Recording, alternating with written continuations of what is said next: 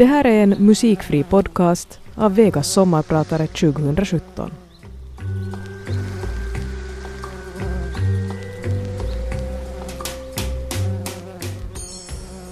Jag går alltså inte ut på nyårsafton eller valborg eller midsommar för att jag får inte gå i fred. Jag lämnas inte i ro. Alla drar. Alla vill ha selfies.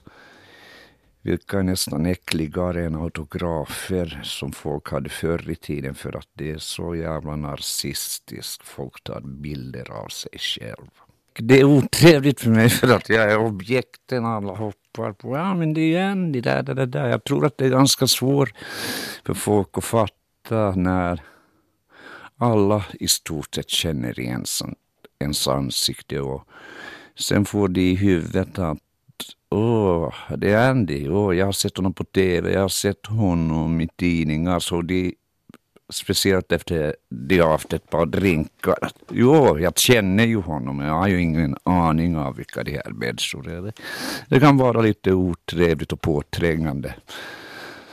Men man lär sig när man lever så man går inte ut helt liksom. Det är väl det rättigaste, det lättaste sättet att undvika att liksom bli anfallen. Det här är Andy McCoy på Vegas sommar och jag är sommarpratan idag. Och det där var det förstås Wanda Jackson som kallades också den liksom kvinnliga Elvis Presley. Ja, speciellt på 50-talet när hon kom ut med en singel som är hennes kändaste låt som heter Yoko Hamamama.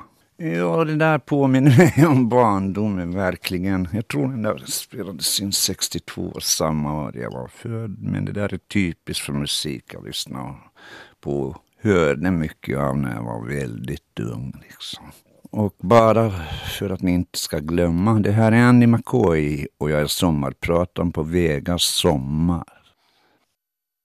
Jag hann ju inte vara liksom, ha en sån här vanlig ungdom som folk har för musik och konst kom in så tidigt att jag började spela keikor redan när jag var liksom i ungdomsgårdar vid tio års ålder, nio, tio års ålder. Jag gjorde första skivan när jag var 13, 14.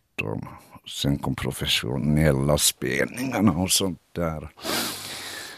Och plugget fick ju det, skolgången skadades ju självklart. Så. Men man tänkte inte på det och inte ångrar jag någonting. Men det här med att inte han har ungdom på ett normalt vis. Man tog ju tillbaks det sen när man var i sena tonåren och tidiga 20. 20 det där åren och man festade så in i helvete. Ja, jag minns att jag, när jag, att jag tränade gitarr så in i helvete och målade tavlor, ritade bilder. Och det enda som, som jag hade riktigt gemensamt var fotboll. Det tyckte jag om. Men även det fick liksom gå under, jag tror det var omkring 13-14. Jag droppade bort det också.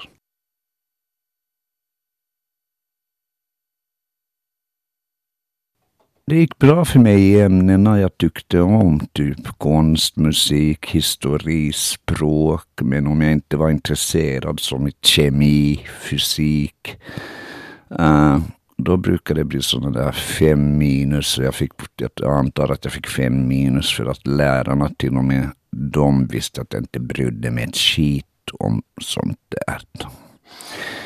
Jag minns att jag åkte fast för en räknemaskin, calculator som det kallas nu för tiden. Det var totalt förbjudet.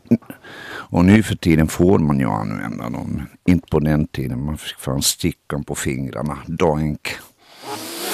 Ja, det gjorde faktiskt ganska ont. Men en pryl med det där att de drog i tjejernas ponytails och slog killarna på fingrarna var väl att, vad heter det, man lärde sig disciplin. Och disciplin ger en unge säkerhet. Och nu för tiden, vad jag har uppfattat, så får ju inte lärarna säga något ens emot vad ungjävlarna skriker om. Och det betyder att disciplinen fattas totalt och då, då vet ungar inte gränser. Och då blir det såna där jävla losers de verkar vara idag. Största delen sitter fan bara hemma med videospel. Och jag ser inte det som men sen liksom, liksom tänker någon slags hälsosam väg att utvecklas. Jag vet inte hur det skulle ha varit att vara en helt vanlig unge, gå i plugget och inte tänka på liksom andra prylar mycket. För att musiken och konsten tryckte på så in i helvete. Och jag var så obsessiv med det också själv. Så att största delen av det där, det var ingen från ingen utomstående person som tryckte in mig för vad jag gjorde. Det var liksom självvalt. Och tack och lov hade jag en ganska jävligt liberal familj, att de stod bakom mig.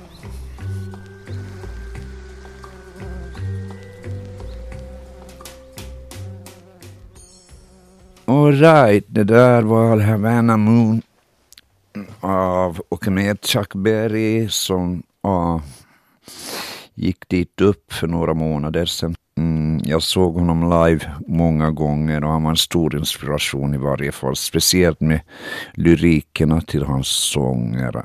Herregud, hans första singel var det Maybelline. Det är bara härlig americana. Underbart. Mm. Han lämnar väldigt stort tryck, uttryck, vet ni.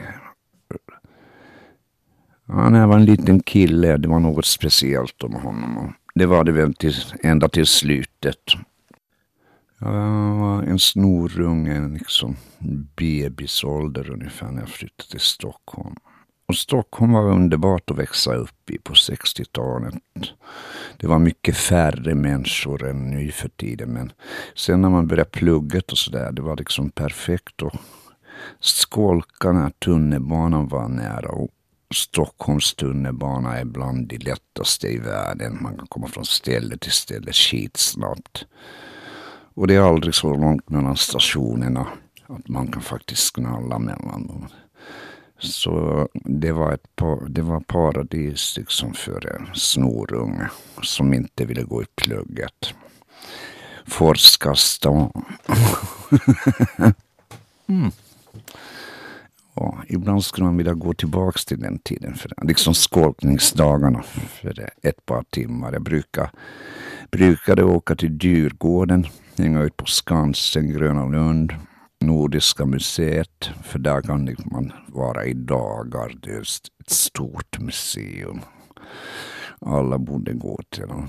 Det är sjukt att jag skolkade för att gå på museum, ja, men, men där var det ingen som tjatade eller försökte lägga skit i mitt huvud jag inte var intresserad om. liksom år det och det när det och det hände. När man var i museum kunde man välja själv och liksom, vad som intresserade en på riktigt och, och så vidare.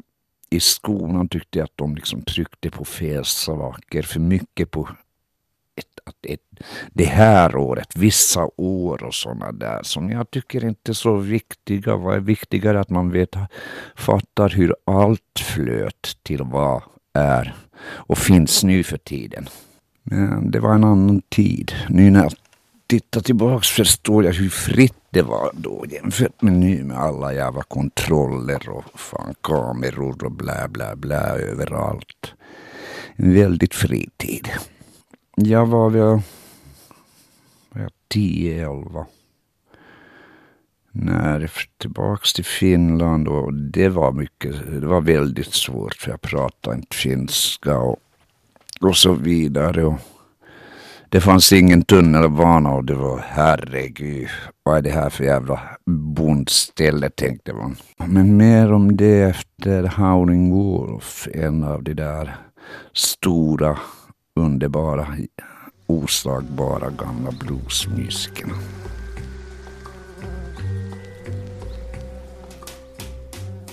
Om vargen ylar så är det en ylande varg. Jo, det där var Howling Wolf. Det var från 50-talet. Och blues var ju en stor del musikaliskt sett, vet du. En pryl som hjälpte utvecklingen musikaliskt. Ja, och sen igen att flytta tillbaks till Finland. Wow, det var en tripp. Ingen tunnelbana.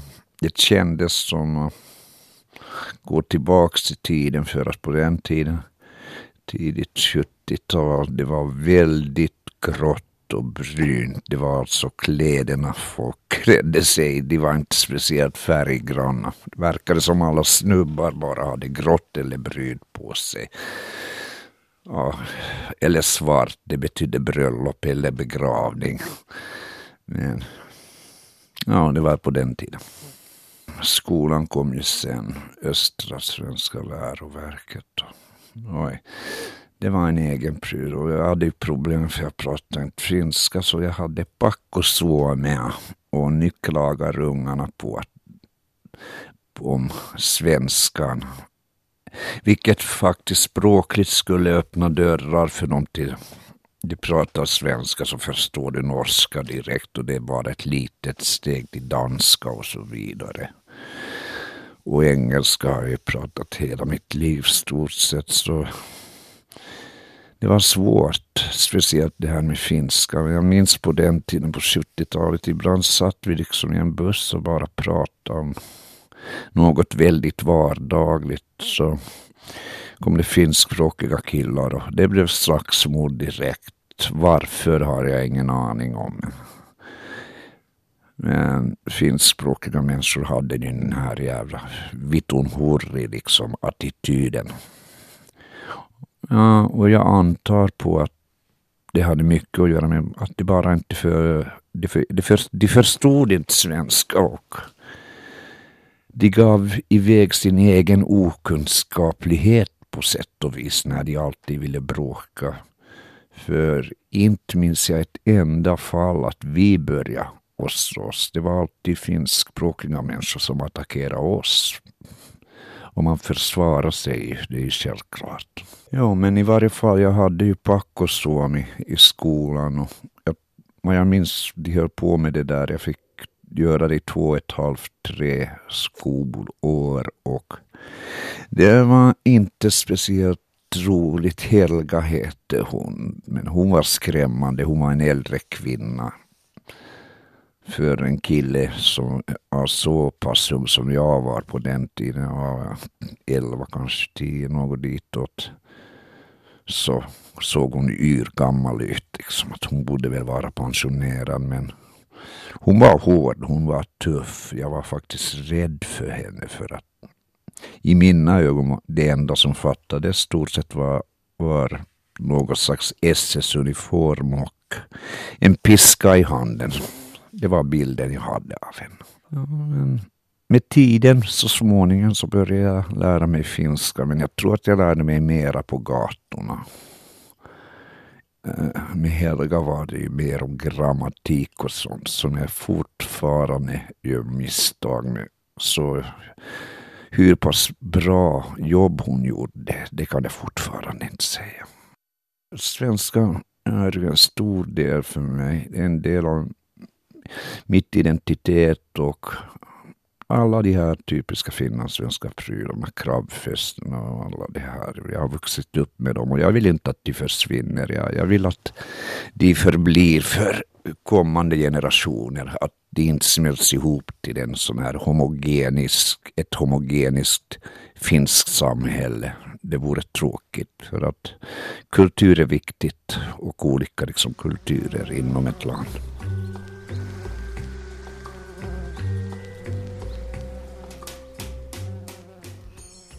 Ja, det där var The Yardbirds som blev The New Yardbirds som blev Led Zeppelin med tiden. Det där var ju tidigt. Både Jimmy Page och faktiskt Jeff Beck först och sen Jimmy Page spelade i bandet. Det var ett tag där de spelade där ihop. Lite rocktrivia för er. Ja, min egen karriär, det började väl hända liksom ordentligt när jag var omkring 16, 17. Jag hade Briard som jag gjorde första skivorna med.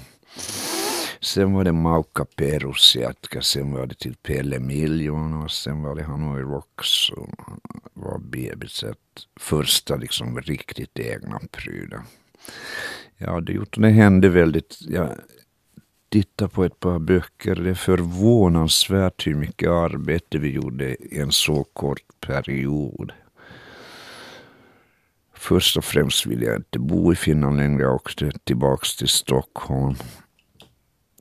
Eh, men samtidigt visste jag att man måste vara i London om man vill synas i internationella musikpressen. Och därefter följde ju turnéerna i Amerika och mer av England och Europa. Och man var överallt när det kom till tidigt 80-tal. Var var vi egentligen? Vi var i USA, vi var i Europa, vi var i Indien, vi var i Japan. Och saker växte väldigt fort. Men vi arbetade jävligt hårt och med liksom kalendern var väldigt tät.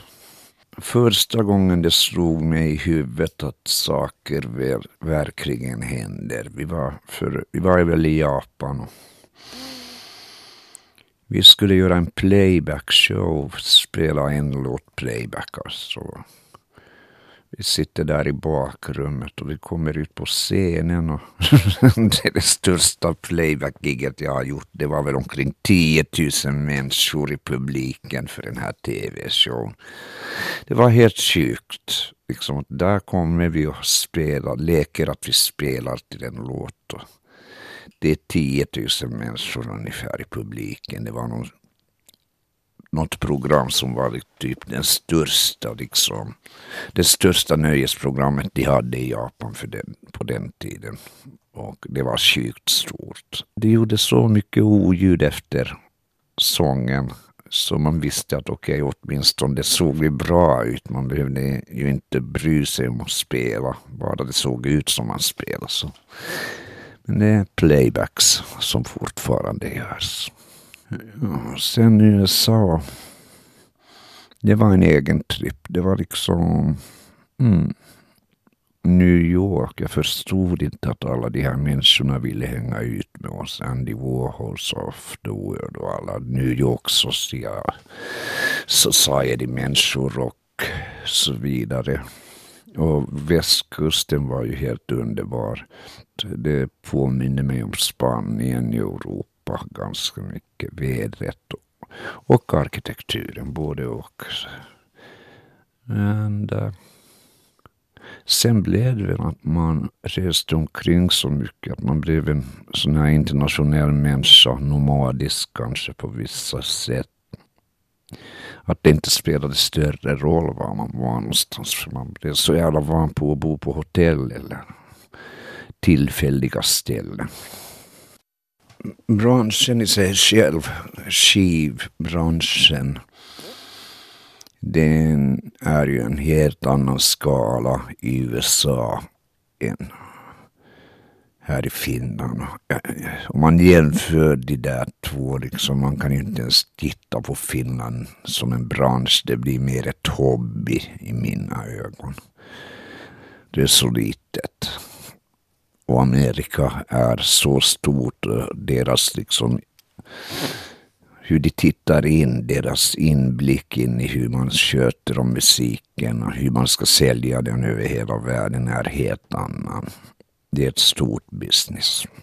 En stor pudel jag märkte i USA ändå var att om man var begåvad, folk kom och sa det rakt av. Det var inte som här i Finland att folk var avundsjuka och det blev mer och mer uppenbart vastu längre man liksom hängde ut där.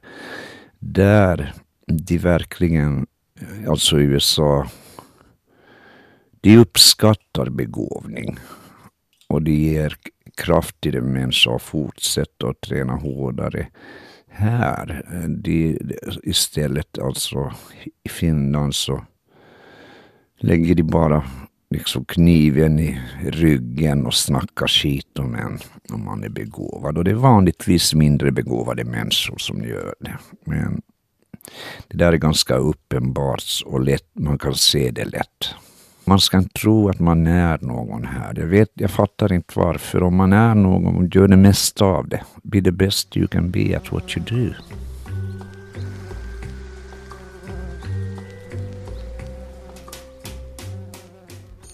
Yeah, California Dreaming, Mamas and the Papas. Det där var producerat av Lou Adler och yeah, vacker låt fortfarande efter alla dessa år. Festandet kom väl in jävligt tidigt, 12-13 år sådär började man docka och röka bra i ordentligt. Varje veckosit hade någon liksom hemfest när föräldrarna var borta och sen var det bara dit och där slocknade man och vaknade på sen på lördagsmorgon med världens krabbis och, och ställena ut såg ut som ett helvete så det var massa städande, det minns jag. Och, och jag, liksom när man tittar tillbaks, inte ångrar man något för att det var en del av utvecklingen i ett människoliv. Okej, okay, det var väl ganska tidigt men inte tror jag att det är mycket skillnad nu för tiden med det där med åldern när folk börjar pröva saker. För att man blir ju typ bild av samhället, liksom det reflekterar sig. Eh, hur fan kan de förvänta sig att ungarna blir annorlunda när de ser när äldre människor bara festar varje gång de har ursäkt att festa. Ja, det där med drogerna, det är liksom en egen tripp.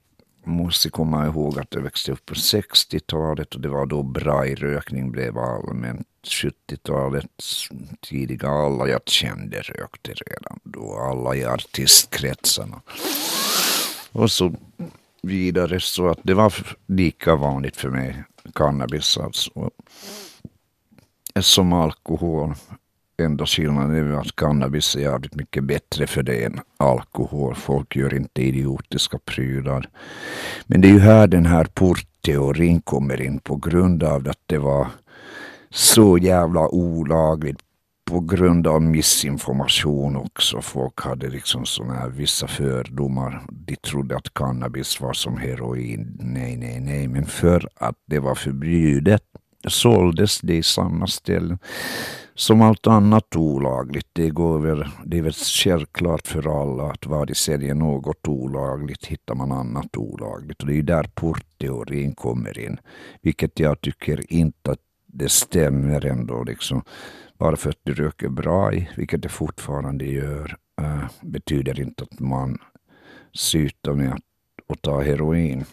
För jag har vänner som har rökt hela tiden och aldrig gått vidare. Men jag hängde väl med lite tyngre människor och för mig ledde den där vägen till slut till heroin. Och jag var satt fast på det i ett tjugotal år. Och det var ju jobbiga år. Till slut kändes det som ett jävla jobb för att man kunde inte göra något utan det. Uh, så vad som hände var att man liksom sprang efter och letade efter det största delen av tiden. Sen när man hittade skiten så ville man inte göra något. Det blev liksom allt konsumerande. Liksom. Uh, jag rekommenderar det inte för någon för att det känns för bra. Heroin är ju inte bara en fysisk sån där eh, ett fysiskt bedövningsmedel. Det är också psykiskt så alla problem försvinner. Och det är väl den där psykiska sidan som är värre till slut när man tänker på beroendet och missbruket av den. För att allt känns så jävla bra. Men sen när det tar slut, sjukdomen i början är ju mer fysiskt när man avvänjer sig. Men varför den liksom håller på så länge att man liksom mår så jävla illa. Jag tror det är mer psykiskt för att man minns, om inte någon annanstans, i så fall i, i det undermedvetna. Att fan, jag hade inga problem när jag använde heroin. Hela världen var underbar.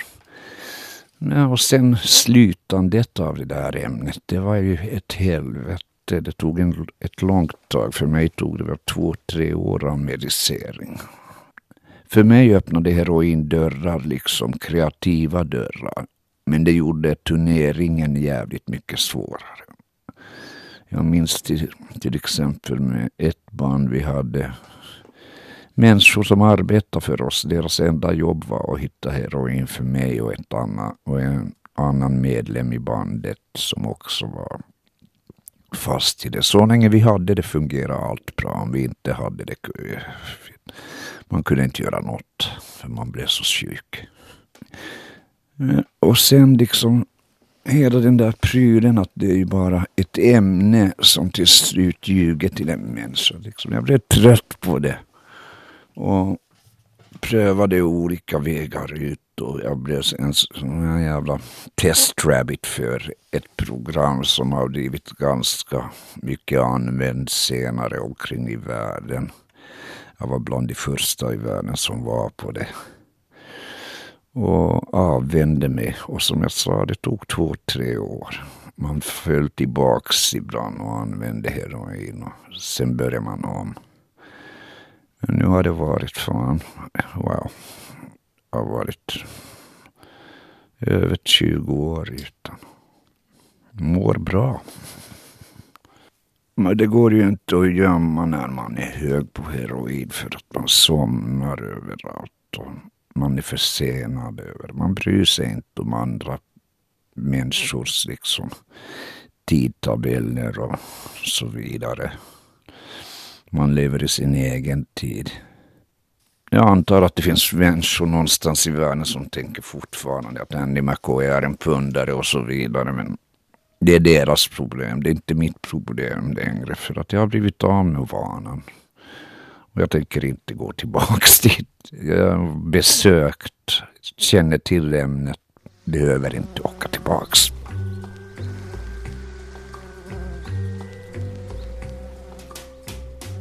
Ja, det där är från sessionerna till nya plattan som borde vara färdig nu, kommer ut i augusti-september. Eh, titeln till plattan är inte bestämd än, men låten hette Feel the way I feel.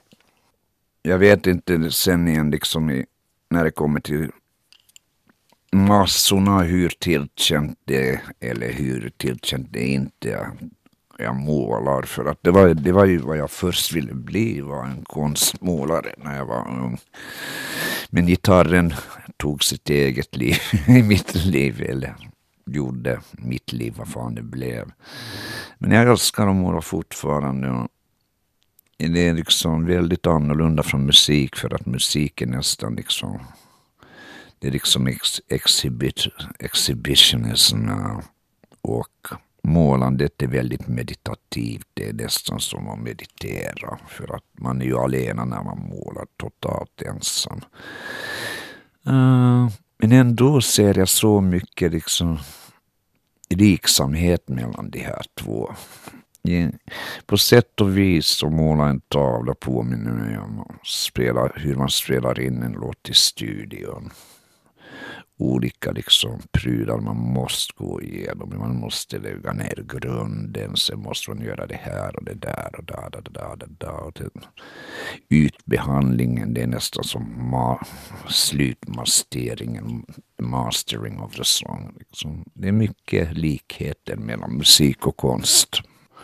Och sen igen, det här med att vara känd, om man vill vara känd som konstnär eller musiker inte stöder mig att vara känd vet du, med konst för det.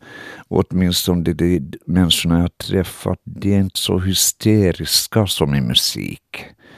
De är mycket vänligare och de är inte så påträngande och så vidare.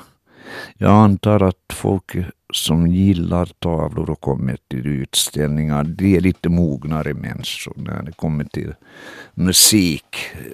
Det kommer ju mycket sådana här 13-14-åriga som kommer till konserterna och så vidare. Och jag tror inte att de där människorna går på konstgallerior mycket.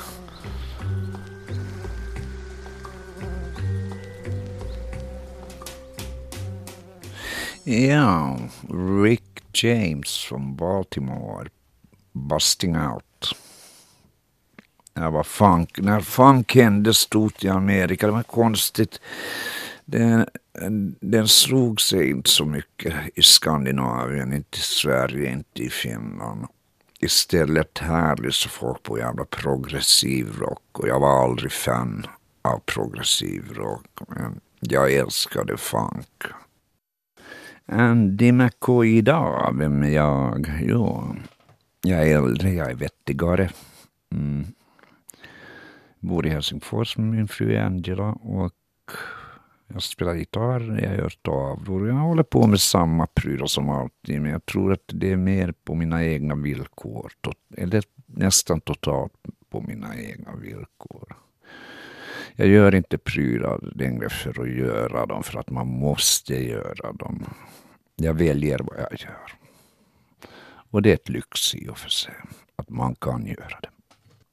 Typ det enda jag skulle vilja förändra, liksom, jag vill inte förändra något som har hänt, men jag skulle ha haft lite mer öga och tittat efter businessprylarna lite, lite noggrannare. Liksom inget annat liksom vill jag förändra som har hänt i mitt liv. Det är som att gå tillbaka om jag kunde tillägga det. Inte förändra något, men tillägga det. Så skulle vissa saker vara lättare nu för tiden. För att jag, det var ett tag i mitt liv jag inte brydde ett skit om businessen och det har liksom gjort livet lite svårare idag för att det är svårt att hitta vissa kontrakt och så vidare. Man får göra saker som man inte skulle vilja göra för att det är så jävla långtråkiga. Och framtiden är en pryl som man kan påverka jävligt mycket på. Jag tänker aldrig liksom förlora min integritet för att jag vill inte bli en sån här människa som är uppe med slagersångare bara för att synas. Det är så jävla narcissistiskt och fult. Jag tänker fortsätta det som jag har levt det under mina egna villkor. Och det har fungerat bra hittills, så varför förändra det? Du är bättre på att vara du än någon annan kan någonsin vara, så arbeta på det, satsa det på det. Liksom, slösa inte på ett liv där du studerar något onödigt skit du aldrig kommer behöva. Arbeta på dig själv. För att det vad som gör människor unika är, är just det att det finns inte två av samma. Och på så vis kan man faktiskt förändra samhället och hela världen väldigt mycket om du utvecklar dig själv och, och pratar ut om dina liksom, åsikter och hur du tittar på prylar. Försöka göra världen lite bättre och gladare. Och jag är ju Andy McCoy. Det här var mitt sommarprat och jag har faktiskt njutit av det. Reflektera tillbaks lite grann. God sommar till er alla. Yle Vega. Det här är Yle Vega.